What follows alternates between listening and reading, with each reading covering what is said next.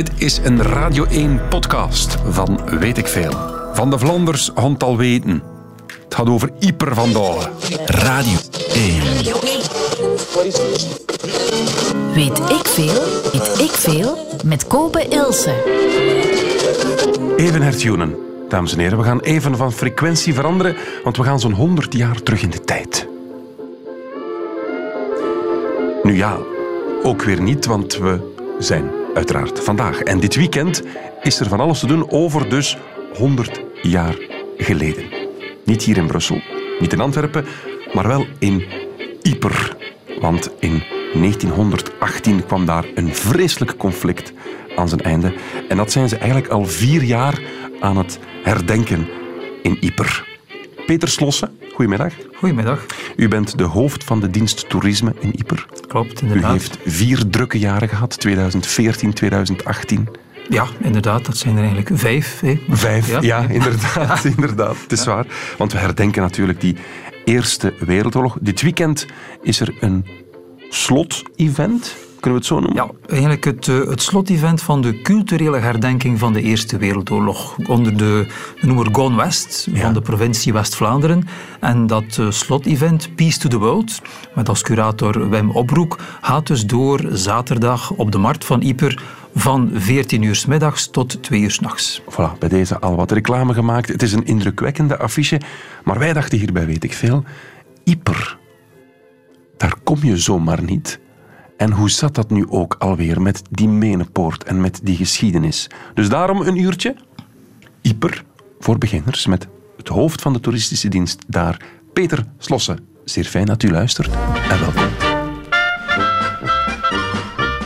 Dit is de krijgshaftige kepie van generaal Plummer van het Tweede Engelse leger, gevolgd door de kaplaarzen van Lord French of Wybers, opperbevelhebber van het Engelse leger in 1914. Een en ander staat te kijken in een Ipers museum dat met klikken en klakken afdaalde van de Halletoren naar de benedenzaal van de historische Lakenhallen.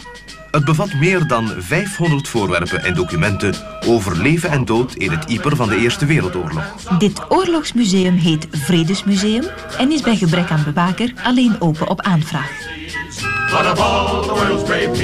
Mooi hè? Een fragmentje uit Echo.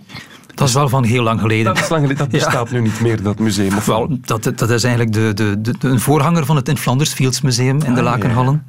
Dat is, ja, dat is opgegaan. Ik denk dat dat in de jaren 70 moet geweest zijn. Ja, ja. Ja, en eh, de, sindsdien zijn er nog eh, ja, drie of vier eh, vernieuwingen en verbouwingen geweest tot Ja. wat het sinds 2012 is. Dus het huidige, het, het, wat wij het tweede in Flanders Fields Museum noemen. Het eerste is in 1998 opengegaan. En het is nu altijd te bezoeken. Je moet niet reserveren bij gebrek aan. wel, voor groepen natuurlijk wel, maar wij zijn wel eh, zeven dagen op zeven open, toch eh, het grootste deel van het jaar. U hoort Peter Slossen, dat is het hoofd van de dienst toerisme in Yper.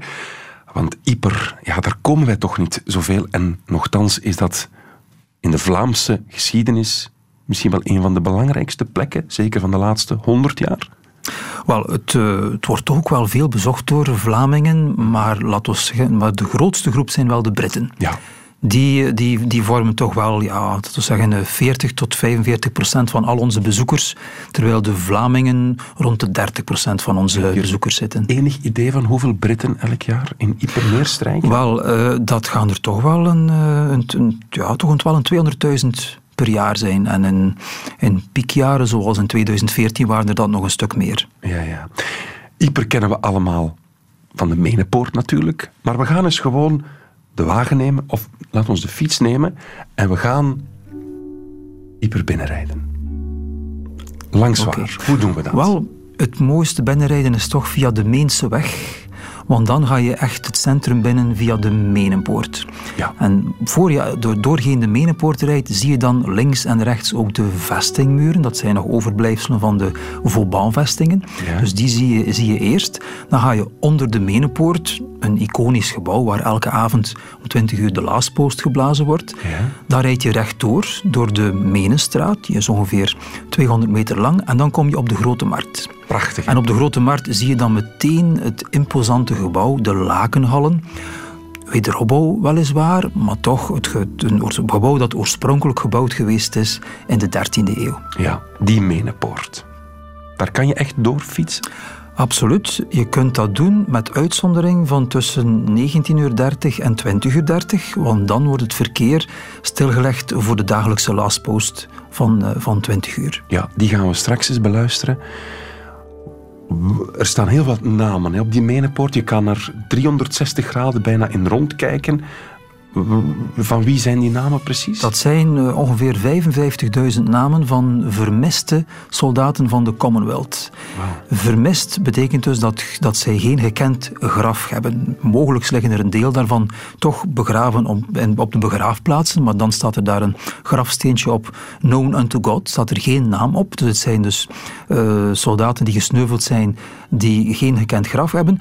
Dat zijn ze niet allemaal. Het was wel de bedoeling om daar alle namen van de vermisten op te zetten, maar op een bepaald moment kwam men tot de conclusie dat het er dus meer waren dan dat er ruimte is op de Menenpoort. En dus die 55.000 namen zijn alle gesneuvelden van het begin van de oorlog tot eind juli 1917.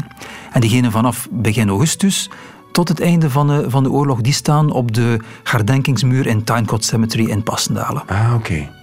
Okay. 55.000 namen. Wie heeft die aangebracht? Ja, dat is de, de Commonwealth War Graves Commission. Dat heette toen nog de Imperial uh, War Graves Commission. Dus zij hebben eigenlijk uh, ja, tijdens de oorlog al, zijn ze al gestart met die, met die registratie, met het verzamelen van die namen. Ja. Maar ja, dus de, de inschatting van het aantal namen, het aantal vermisten, kon men niet zo snel maken. Vandaar dat men dus uh, onderweg heeft moeten beslissen van ja, we gaan het zal onvoldoende zijn met deze ene menenpoort. We gaan nog meer nodig hebben. Dus eigenlijk zou die menenpoort nog een pak groter moeten zijn. En dat zou eigenlijk ons, ons goed uitkomen, want we hebben Zo? zoveel aanwezigen uh, bij de laatste de laatste jaren. Dat moest de menenpoort 50% of 100% groter zijn. Dan zou dat voor ons een grote hulp geweest zijn. Maar het is natuurlijk niet zo. Want hoeveel namen zouden er echt in moeten gegraveerd worden? Je hebt er nu 55. Dat je, zou er dus, je zou er dus zeker boven de 90.000 moeten geraken. Onwaarschijnlijk. onwaarschijnlijk. Wanneer is die eigenlijk gebouwd? Al tijdens de oorlog was er een idee, zegt u? Wel, tijdens de oorlog, nee, nee, tijdens de oorlog heeft men dus de, de, de, de registratie gedaan registratie, van, ja. van, van, de namen. De idee van, de, van die menenpoort is er pas gekomen in de jaren 20. En dat heeft te maken met het feit dat Winston Churchill, die wilde het, uh, het, de, de, historische gebouwen in het centrum, dus Lakenhallen, Sint Maartenskathedraal, die wilde die in ruïnes bewaren. Ja. En hij heeft zijn slag niet thuis gehaald, men, men heeft die heropgebouwd, maar er moest er toch een soort van compensatie komen. En toen is dat idee van die menenpoort, van die herdenkingspoort, uh, naar voren gekomen. En heeft men dus beslist van kijk, we gaan die bouwen op de plaats waar de soldaten vanuit het centrum naar het front trokken. Ah ja. En die, uh, die, die, die is ingeguldigd in 1927. Dus men heeft er een paar jaar aan gebouwd. In 1927, juli 1927, heeft men die menenpoort ingeguldigd. Mm -hmm. um, 27, zegt u? En is er vanaf dan ook al beslist, we gaan hier elke dag om acht uur die Lost Post? Toen nog niet, maar het heeft dus wel uh, de, de, de initiatiefnemer geïnspireerd. En dat was uh, Pierre van den Braambussen, dat was de toenmalige politiecommissaris. Hij heeft toen die Last Post horen blazen onder de Menenpoort. Dat idee is een beetje moeten rijpen. Ja. Maar in de zomer van 1928, een jaar later, zijn ze dan wel gestart met die dagelijkse lastpost. Want van waar komt dat nummer? Wat is maar de lastpost is in feite het, de, de sonnerie die de, in, in, de Britse en andere legers geblazen wordt om het einde van de dag uh, aan te kondigen. Dus ah, ja. de last post, einde van de dag. Een soort slaapwellied. Uh, in zekere zin uh, wel, ja, inderdaad. Ja. ja. Hoeveel keer is die ondertussen? Wel, we hebben elke een, dag, hè? Het is elke dag en uh, we zitten ondertussen aan 31.000 en zoveel, want in, in 2015 hebben we de 30.000ste Last Post uh, gevierd, dus nu is het 31.000. En als je kijkt op de website van de Last Post Association, dan zie je eigenlijk het exacte, het exacte dat aantal wordt bijgehouden. Dat elke is dag een streepje voilà, bij. denk niet dat ze het nog zo doen, hè. het zal wel elektronisch zijn, maar daar kun je het dus op zien. Dit is dus al meer dan 31.000 keer geblazen.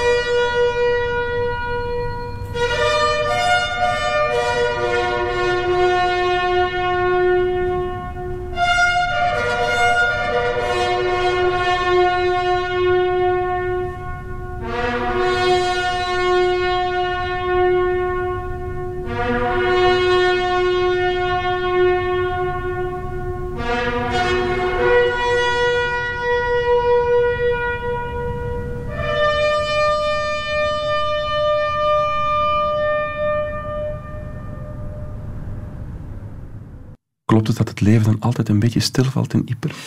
Wel, toch, toch het leven uh, rond de Menenpoort en in de, en in de Menenstraat, inderdaad. Ja. Doet u dat nog iets om dit te horen? Of? Eigenlijk wel. Ja? Want u heeft het ook al waarschijnlijk Ik heb het al heel veel keer gehoord, maar toch heeft... Al, ik kan niet zeggen dat ik er nog altijd kippenvel van krijg, maar het doet nog altijd iets, absoluut. Ja. Je wordt er letterlijk stil van. Absoluut, absoluut. De 30.000ste keer was in 2015. Dat was 2015, ja. Dat was de 8e of de 9e juli uh, van 2015. Ja, toen heeft uh, Wim Obroek Wim was toen de presentator van de, van de plechtigheid, inderdaad. Want dat was ook een samenwerking met Gone West, die 30.000ste mhm. lastpost. En dat was een heel bijzondere lastpost, niet alleen omdat ze toen voor de dertigste keer onder de Menepoort en Ieper doorging, maar omdat er live contact was met, ik denk, zes of zeven plaatsen verspreid over de hele wereld, waar er op dat moment ook bepaalde onderdelen van de lastpost gedaan werden. Zoals bijvoorbeeld ja, eh, de, de, de, de exhortation, dat is een bepaalde vers dat men uitspreekt. Wel, die werd, ik denk dat die vanuit Australië werd uitgesproken. we, zijn, we zijn ook live geweest naar de Brandenburger Tor in Berlijn, live naar de, de Arc de Triomphe in Parijs. En dat maakte het dus wel heel bijzonder. Dat was ook trouwens in samenwerking met de VRT dat dat gerealiseerd geweest is. Even een sfeerbeeld van toen. Tijdens deze plechtigheid herdenken wij het offer van honderdduizenden soldaten die een leven lieten in deze streek en op zoveel andere plaatsen voor de vrijheid en de vrede. Maar we willen ook hulde brengen aan hen die elke dag sinds 1928 en vandaag voor de dertigduizendste keer een ode brengen aan alle slachtoffers. Elke avond staan ze hier, de brandweerlui van Ieper, de klaroeners van de Last Post Association, in goed en in slecht weer. Nu krijgen ze het gezelschap van velen, maar jaren geleden waren er soms weinig toeschouwers onder de poort. Was dat zo? Is dat niet altijd een trekpleister? Nee hoor, nee hoor, ik heb nog de tijd, uh, ja, ik ben al meer dan 30 jaar in functie. ja? Ik heb nog de tijd gekend dat er daar uh, heel weinig mensen stonden. Dat uh, de klaroender daartoe kwam, met zijn fiets of, of welk vervoermiddel dan ook. En dat er daar misschien twee of drie mensen stonden. En hij ging naar het midden van de Menepoort, hij blaasde de laaspost. En, en dat was het. Vooral tijdens de winter stonden er daar heel weinig mensen. Terwijl nu mag je zelfs stellen, ja, in de, de, de koude wintermaanden kun je geen glaspost hebben dat er bijna minder dan 100 mensen staan. Ah, oké, okay. het is echt heel... Ja. En waarom precies aan die Menenpoort, die lastpost? Omdat het zo'n symbolische plaats is natuurlijk. Het, is ook wel, het is ook daar dat de lastpost geblazen geweest is met de inhuldiging. En het is, de, de, allez, het is, het is toch wel misschien wel het belangrijkste monument van de Eerste Wereldoorlog van, uh, van Europa. Dus een mm -hmm. zeer geschikte locatie. Daarnet zei beste Peter Slossen, hoofd van de dienst toerisme in Ieper. Heeft u ons binnengeleid in Ieper en sprak u over de vestingen ook? Inderdaad. En daarvoor moeten we eigenlijk terug, want Ieper kennen we natuurlijk allemaal door de Eerste Wereldoorlog, maar we moeten eigenlijk terug naar de 17e eeuw. Eigenlijk zelfs nog, nog, veel vroeger. Wel, de, de, vestingen die men nu ziet, de Vauban-vestingen, dat is 17e eeuw. Lodewijk. Lodewijk de 14e. Zijn vestingbouwer, Sébastien Le Prestre, heer van Vauban. Hij heeft dus die vestingen uh, op, in opdracht van Lodewijk de 14e heeft hij die opgericht. Waar, wat zocht Lodewijk de 14e in Yper? Wel, hij, uh, Lodewijk de 14e wilde eigenlijk een soort van verdedigingslijn aanleggen uh, langs, langs dus de Franse grens.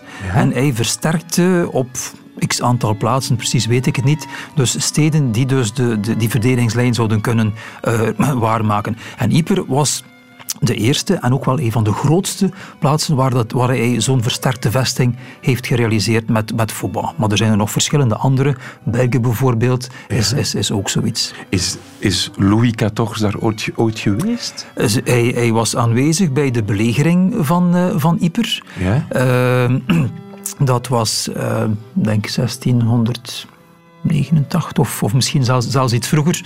Uh, maar hij is, is, er toen geweest met, met de belegering van Yper één keer. En, Inderdaad. Maar nadien uh, ja, is, het dan, is het dan Vauban die, die er natuurlijk was voor de oprichting van die vestingen. Dus Yper is altijd wel op een of andere manier een verdedigingsstad geweest, omdat het op de grens ligt? Is dat Voilà, inderdaad. Dus wij lagen op de grens en er zijn dus, dus er zijn veel bezetters geweest. Ja, De, dus de, de, de Bourgondiërs zijn bij ons geweest, de Spanjaarden zijn bij ons geweest, de Oostenrijkers, de Fransen.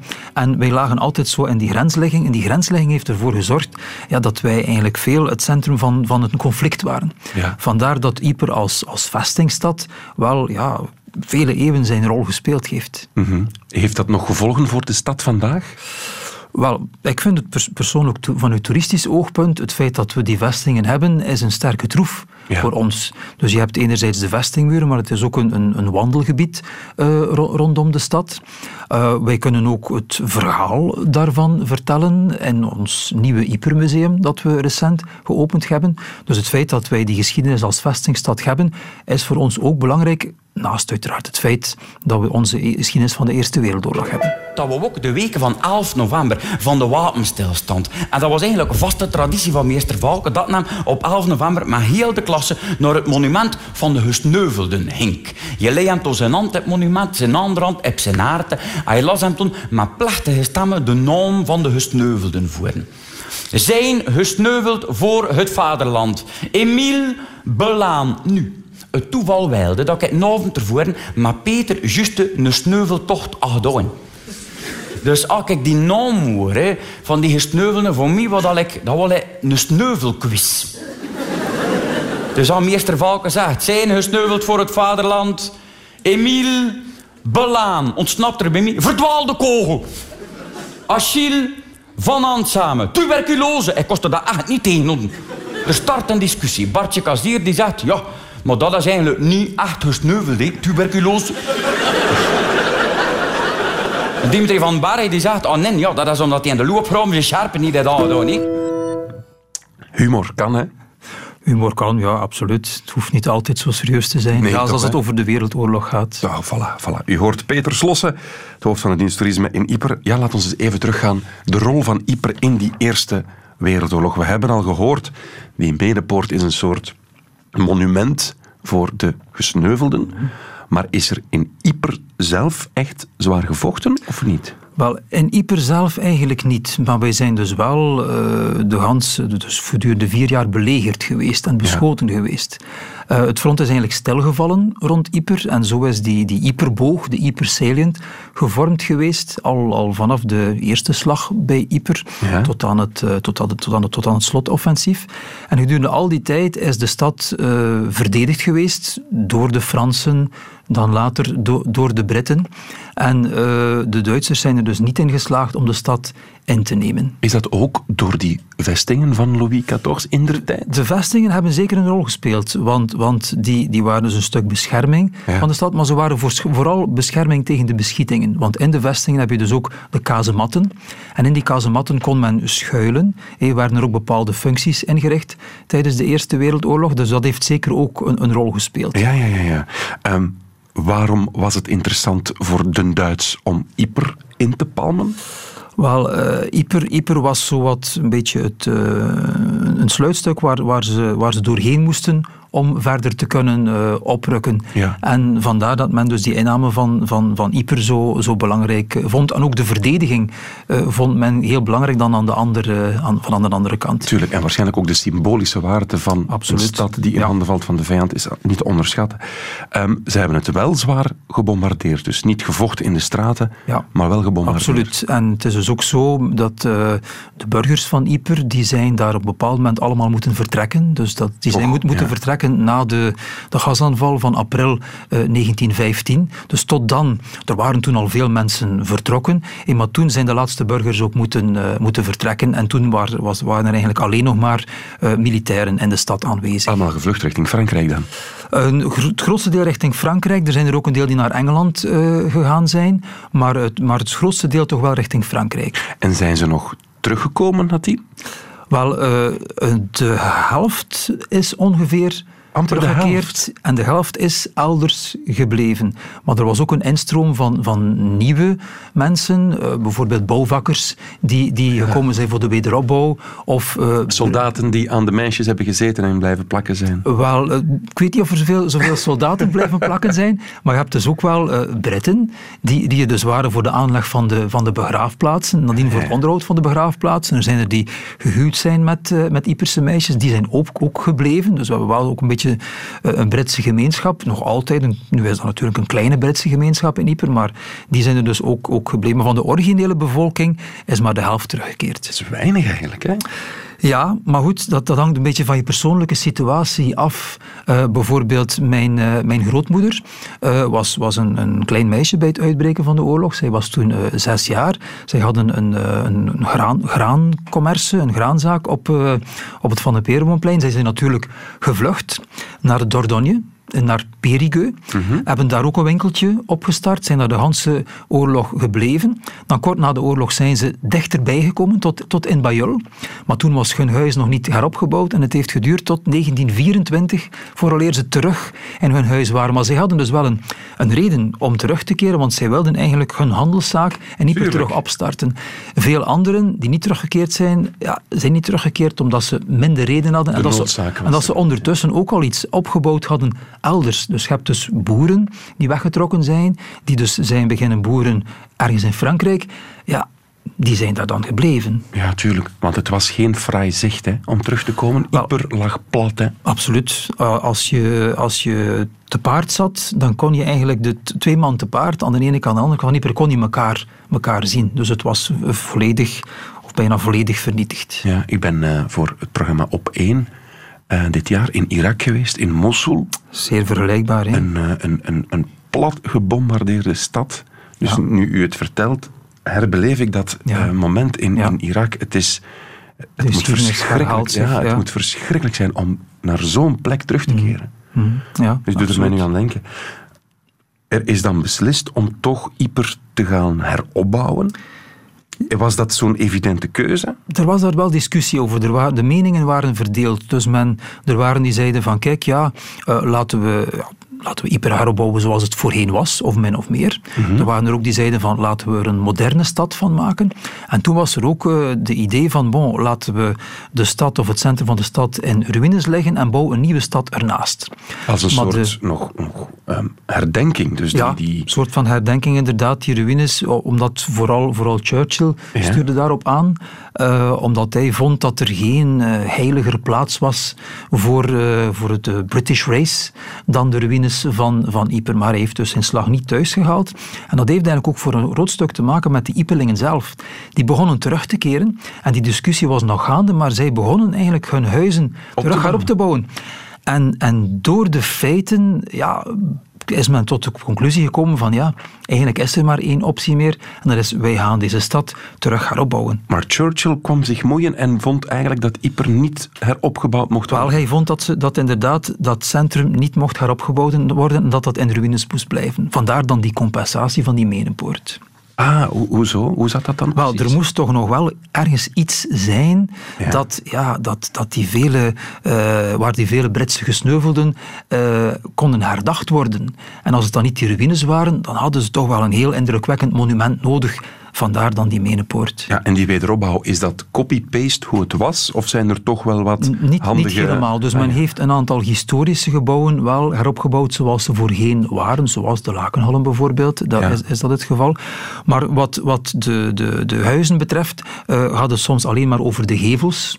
Ehm, en is er ook door de, de, de, de wederopbouwarchitect, architect Komans, is er wel een soort van wederopbouwarchitectuur ontwikkeld geweest. Die, die een, een mix is van ja, hoe het voorheen was met wat, met wat aanpassingen. Ja, ja. Dus eh, helemaal exacte kopie is het, is het niet geworden. Alhoewel dat als je het, het stratenplan van Ieper in de middeleeuwen bekijkt met het stratenplan van op vandaag, dan is dat wel nog hetzelfde. Dat wel, maar de gebouwen en zo, daar zijn wat maar de aanpassingen. gebouwen zijn er toch wel een aantal aanpassingen gebeurd. Het hangt er een beetje vanaf waar, waar je naar kijkt. Je ziet op historische foto's, als je zo de gevelrij bekijkt op de markt, dat die toch wel zeer vergelijkend is. Ah, ja. Maar als je een beetje verder weg gaat, dan, dan, dan verschilt het toch wel. Is er nog een plek die onaangeroerd is gebleven? Was er een huisje dat toch nog recht stond, ondanks alle bommen? Er is één, ja, er is, eh, eh, er is één huis en dat is, is dus nu een decoratiezaak, het, het binnenhuis.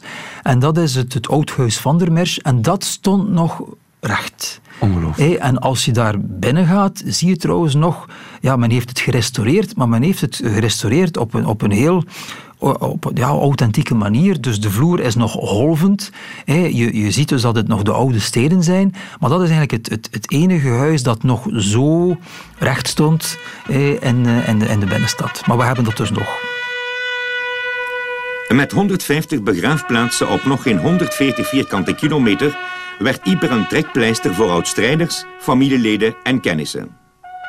Hoe eigenaardig het in deze omstandigheden ook mogen klinken, het betekent ook ergens toeristisch iets belangrijks voor onze stad. Tussen de twee wereldoorlogen in zijn duizenden Britten naar hier gekomen. Eh, oud, oud-strijders, oud-soldaten, familieleden van gesneuvelden, kennissen, vrienden enzovoort. En het is dan ook eh, normaal dat verschillende nieuwe hotelbedrijven hier in Ieper tussen de twee wereldoorlogen ontstonden. Of hoe de middenstand toch ook een beetje profiteert van die... profiteren is het woord niet natuurlijk. is een verkeerd woord, maar uh, ja, er is inderdaad wel een economie rond, rond het herdenkingstoerisme. Dat klopt inderdaad. Dat is zo. Peter Slossen hoort u, de, het hoofd van dienst toerisme in Ieper. Want dit weekend is een beetje de culturele afronding van die vierjarige herdenking. Gone West. Inderdaad. Um, die begon in 2014, die herdenking, wat logisch is. 100 jaar na het begin van de Eerste Wereldoorlog. Hoe, hoe ging dat? Wel, ik moet zeggen, voor, voor Ieper is dat eigenlijk op, uh, gestart met uh, toch echt wel een, een hoogtepunt. Ja? Meteen, en dat was op 26 juni uh, eh, 2014, toen is er een Europese top doorgegaan in Ieper en hebben wij de 28 staatshoofden en regeringsleiders in onze stad mogen ontvangen. Ik herinner me dat nog, ja. En dat was wel een heel... Het was sowieso bijzonder dat, dat, dat we die 28 staatshoofden en regeringsleiders op bezoek hadden. Ze hebben ook het in Flanders Fields Museum bezocht, zijn aan de Menepoort geweest. Maar het was ook een heel bijzondere dag, omdat we toen uh, ongeveer 300 journalisten van over de hele wereld over de vloer kregen en dat de stad beveiligd werd door 600 agenten. Dat is misschien een aantal dat in Brussel weinig indruk maakt, maar, maar in Ieper 600 agenten om ons klein stadje te beveiligen, dat was echt wel heel, heel bijzonder. Ja, u bent zowat de ceremoniemeester dan ook. U heeft dat allemaal van op de eerste rij meegemaakt. Hè? Ja, alhoewel dat het in deze vooral eh, de, de Europese administratie was die in Ieper neerstreek om ja, het is allemaal dat, te, moet u alles lossen? Dan... nee, nee, nee. nee. Dus, we werken wel samen, maar je moet dan vooral uh, ondersteunen en faciliteren. Maar zij, uh, zij bepalen eigenlijk wel wat er gebeurt eh, en zij, zij nemen de, de beslissingen. Maar zij beseffen uiteraard wel dat ze met de lokale mensen moeten samenwerken om het goed te laten verlopen. Klopt het dat het even paniek was om omdat mevrouw Merkel zich opeens tussen het publiek begaf? Wel, dus ze kwamen dus allemaal aan op de markt per wagen, één, per één. En uh, eerst was de begroeting van, van de burgemeester, van Herman van Rompuy, van Yves Le Terme. En er waren dus mensen in het publiek aan de overkant van de markt die uh, riepen naar Angela Merkel. En zij draaide zich om zij stapte de markt over. De, de, de, veiligheid, ja, die kregen al de kriebels natuurlijk. Wat doet zij hier? En zij stapte op die mensen af en begon daar ja, te keuvelen en zo met het publiek. Eh, en dat was helemaal niet voorzien in het scenario. En David Cameron heeft dat eigenlijk ook gedaan. De Britse premier toen. Inderdaad, ja. Dus dat was, ja, dan zie je waarschijnlijk die security doorslaan. Wow, ze slaan niet door. Ze moeten natuurlijk kalm blijven uh, elke, elke, elke mogelijk moment. Maar uh, er was toch wel eventjes wat onrust uh, in de rangen. Ja, ja, 30 juli 2017 is dat niet de, de Britse herdenking van 100 jaar ja. uh, slag van Passendaal? Dat was voor Ieper ook echt wel een Gigantisch. Ja, inderdaad. Dus uh, slag van Passendaal, de derde slag bij, bij, bij Ieper. En zij hebben dat op twee dagen gevierd. Dus 30 juli in Ieper en 31 juli in, uh, in Passendalen. En voor ons was dat ja, toch wel iets, ook terug iets heel bijzonders. Vooral wat ze op de markt gedaan hebben met de BBC. Ze hebben daar een soort van evocatie gebracht van vier jaar oorlog in de Ieperboog.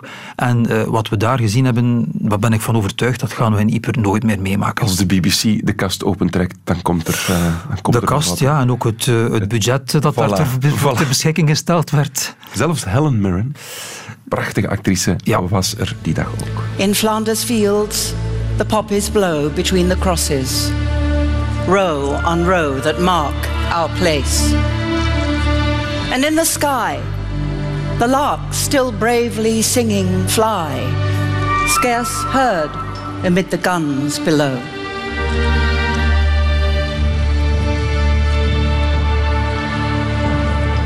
We are the dead.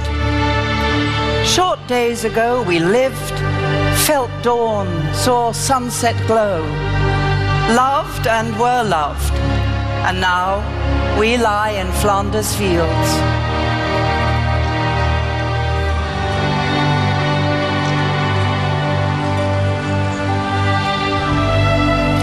Up our quarrel with the foe. To you from failing hands we throw the torch. Be yours to hold it high. If ye break faith with us who die, we shall not sleep. Though poppies grow in Flanders field.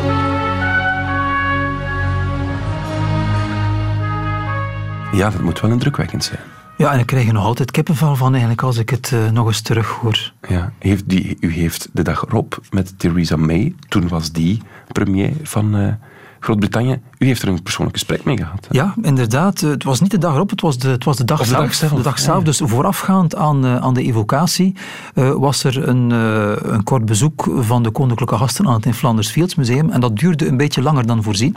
En Theresa May stond beneden te wachten. En ineens ja, komt de verantwoordelijke van de Britse organisatie naar mij toe en zei dus ja, zou jij eens een minuutje of vijf met de prime minister kunnen praten, want ze staat daar zomaar te wachten. De royals komen niet af.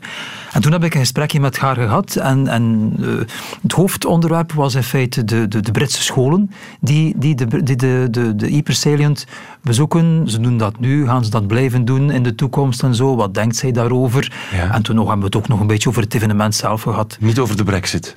Over de brexit, dat, dat onderwerp heb ik niet durven aanraken. Terecht. Ik, want je moet uiteraard toch altijd een beetje Uiteraard. voorzichtig en beleefd blijven in zo'n omstandigheden. Uiteraard. En dan was ook nog Prins Charles er, William en Kate zijn ook gepasseerd. William en Kate waren in Yper samen met uh, onze koning en onze koningin. Prins Charles die is maar de dag erop gekomen. Dus Ja. de 31ste was er dan de plechtigheid in, op Tynecott Cemetery. En toen is, is Prins Charles er ook bij gekomen. Komt u daar dan mee in contact of worden Nee, door het feit dat ja, mijn bevoegdheid beperkt zich tot het grondgebied Yper. Ja. En, en ja, als het in eh Passendaal is, Passendaal is Zonnebeke, dan is het voor de collega's van Zonnebeke.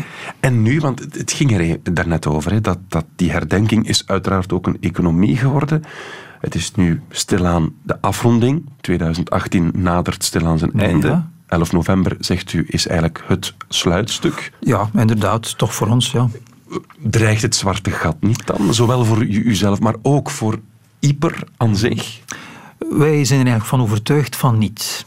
Dus die Eerste Wereldoorlog zal, eh, blijft een heel eh, belangrijk historisch gegeven waar voor die eeuwherdenking een heel sterk product rond gemaakt is. Dat sterke product is er nog altijd voor, die, voor, de, voor de jaren in de toekomst. En wij ondervinden trouwens nu al in zaken boekingen van Britse touroperators dat die in elk geval niet, eh, niet stilvallen volgend jaar en ook niet zoveel vertragen eigenlijk. Ja.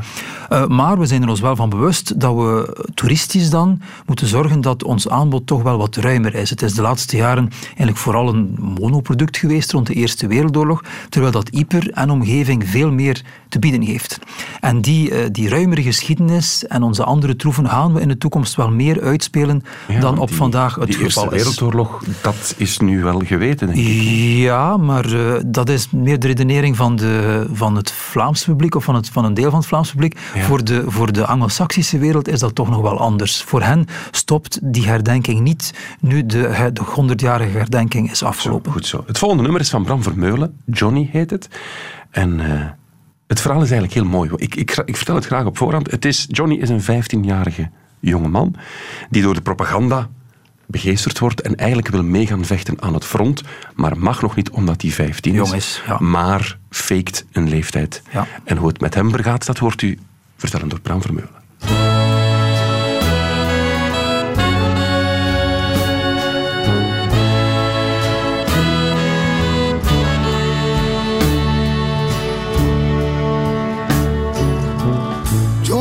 Gelogen van zijn leeftijd. Hij was wel groot, maar pas veertien jaar. Maar ze konden iedereen gebruiken daar. Dus leeftijd, daar vroeg niemand meer naar.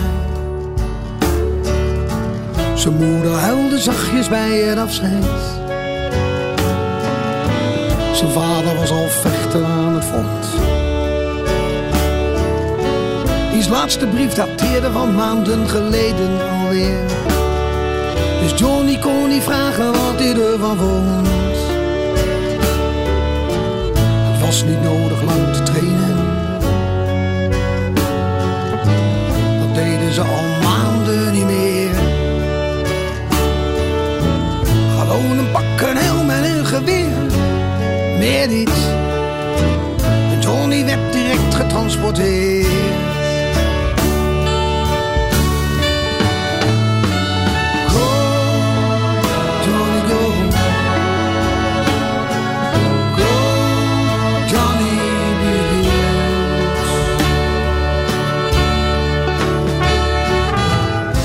Heel anders dan ze hem vertelden. Al het lawaai en de verschrikkelijke stank. En dat ze altijd schreeuwden en altijd vloekten. En dan de verplichte sterke drank. Nee, er was niks prachtigs aan de oorlog. Zoals ze thuis zo vrij hadden beloofd. Elke bom maakt de aarde meer tot blubber. En niemand die daar in vrede gelooft. En nergens is een vriend of. En iedereen is minstens even bang. Dus drinken ze hun flessen en zingen een lied. Dan duurt de angst tenminste minder lang.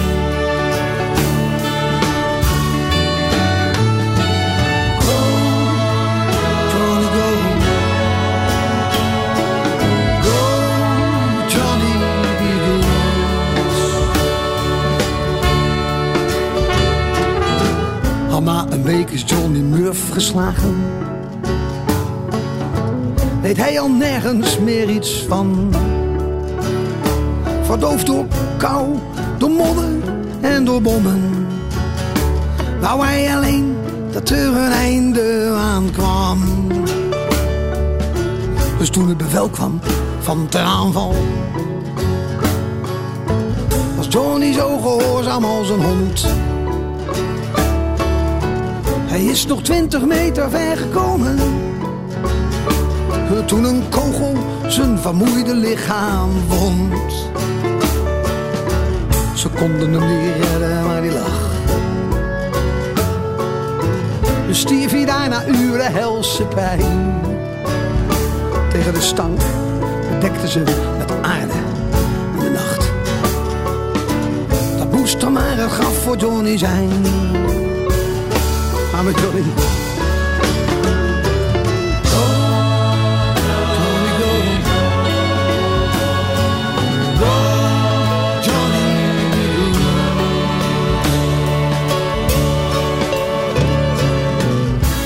Officier kwam bij zijn moeder. En heeft haar het verhaal verteld. Hoe hij voor het vaderland is gestorven. Vlaandersveld. Nee, haar zoon had zich gedragen als een held. En voor zijn durf en zijn getoonde moed. Kreeg zij voor hem een eremetaal. Dat hing ze naast dezelfde van zijn vader aan de muur. En dat is dan het eind van het verhaal. Oorlog mooi was. Dat ze hem dat steeds hadden verteld. Dat je door domme plicht, tucht en discipline later echt geëerd zal worden als een held.